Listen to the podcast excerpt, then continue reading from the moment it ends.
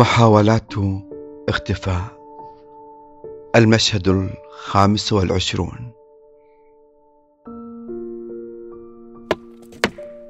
تم الانتهاء من إعداد الأرجوحة العملاقة والمصنوعة من جذعي نخلتين ميتتين وحبل متين أيضا. ذاك الذي يستخدم عادة لتسلق النخيل وجني ثمارها ولكن كان معدلا ليكون أرجوحة عالية الطول ما يسمى بالعامية الحابول. تجمهر صبية الحارة حولها مع بعض النسوة والرجال. كانت أمي سعيدة جدا بهذا التواجد حولنا. ربما استشعارها بتحسن حالتي الصحية نوعا ما وأنا أبتسم للجميع وأداعب أطفالي. قيدت صغر أخواتي سمية لتكون أول المتأرجحين على الأرجوحة. وذلك من ضمن العادات والتقاليد لدينا أن تكون أول من يمتطي أرجوحة الحجاج فتاة عذراء. ربما ذلك للدلالة على الطهر والبراءة على ما أعتقد.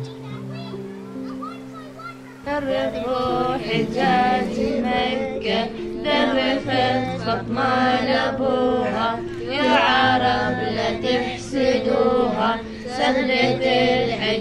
بنوها بعد أن وضع السجار تحت الأرجوحة ليبدأ الجميع بالغناء والترديد الأهزوجة الشعبية المرافقة لتدشين الأرجوحة فيما بعد. ليكون النشوح أول فرحة الصغار لتتلوها زغاريد النسوة ثم يتناوب الجميع على التأرجح واللعب بالأرجوحة المعلقة عليها الأعلام الخضراء. بشارة ترحيب للحجاج القادمين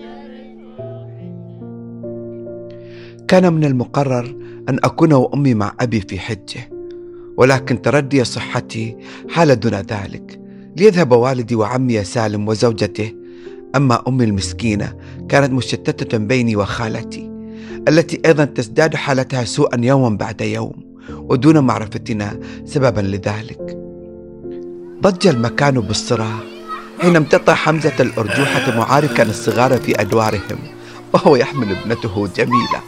يا لهذا الرجل المشع بالتفاؤل والسعادة له ومن حوله. يترجل مسرعا قادما باتجاهي بعد أن ألقى بطفلته في أحضان أمي عرفت مقصده حاولت الفرار ولكن من يفر من قبضة هذا العنيد؟ تأرجحت في سعادة. أنظر للوجوه حولي. أمي زوجتي أخواتي حمزة وإخوته كل هؤلاء أسرتي السعيدة المتكاتفة.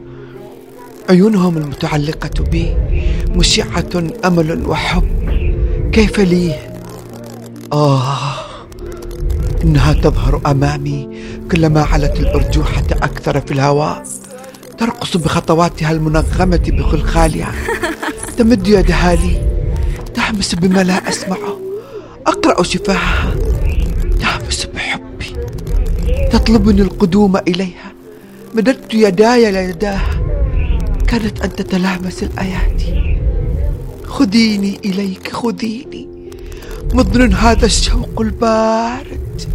خذيني خذيني إليك.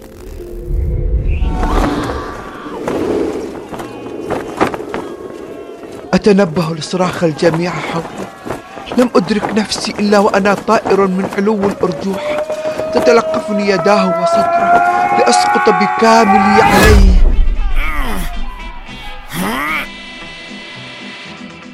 أحمد سالم نال شرف إنقاذي يا لفضيحة الكبرى وهو يصرخ ويأن تحت وطأتي لحق علي قتلني ذي القبلة قتلني الخبلة قتلني. كيف ساقك القدر إلي الآن؟ ليتك ما كنت. لتدعني أرتطم بأرضي. علني أستريح. علني أختفي. آه لو أختفي. يتبع.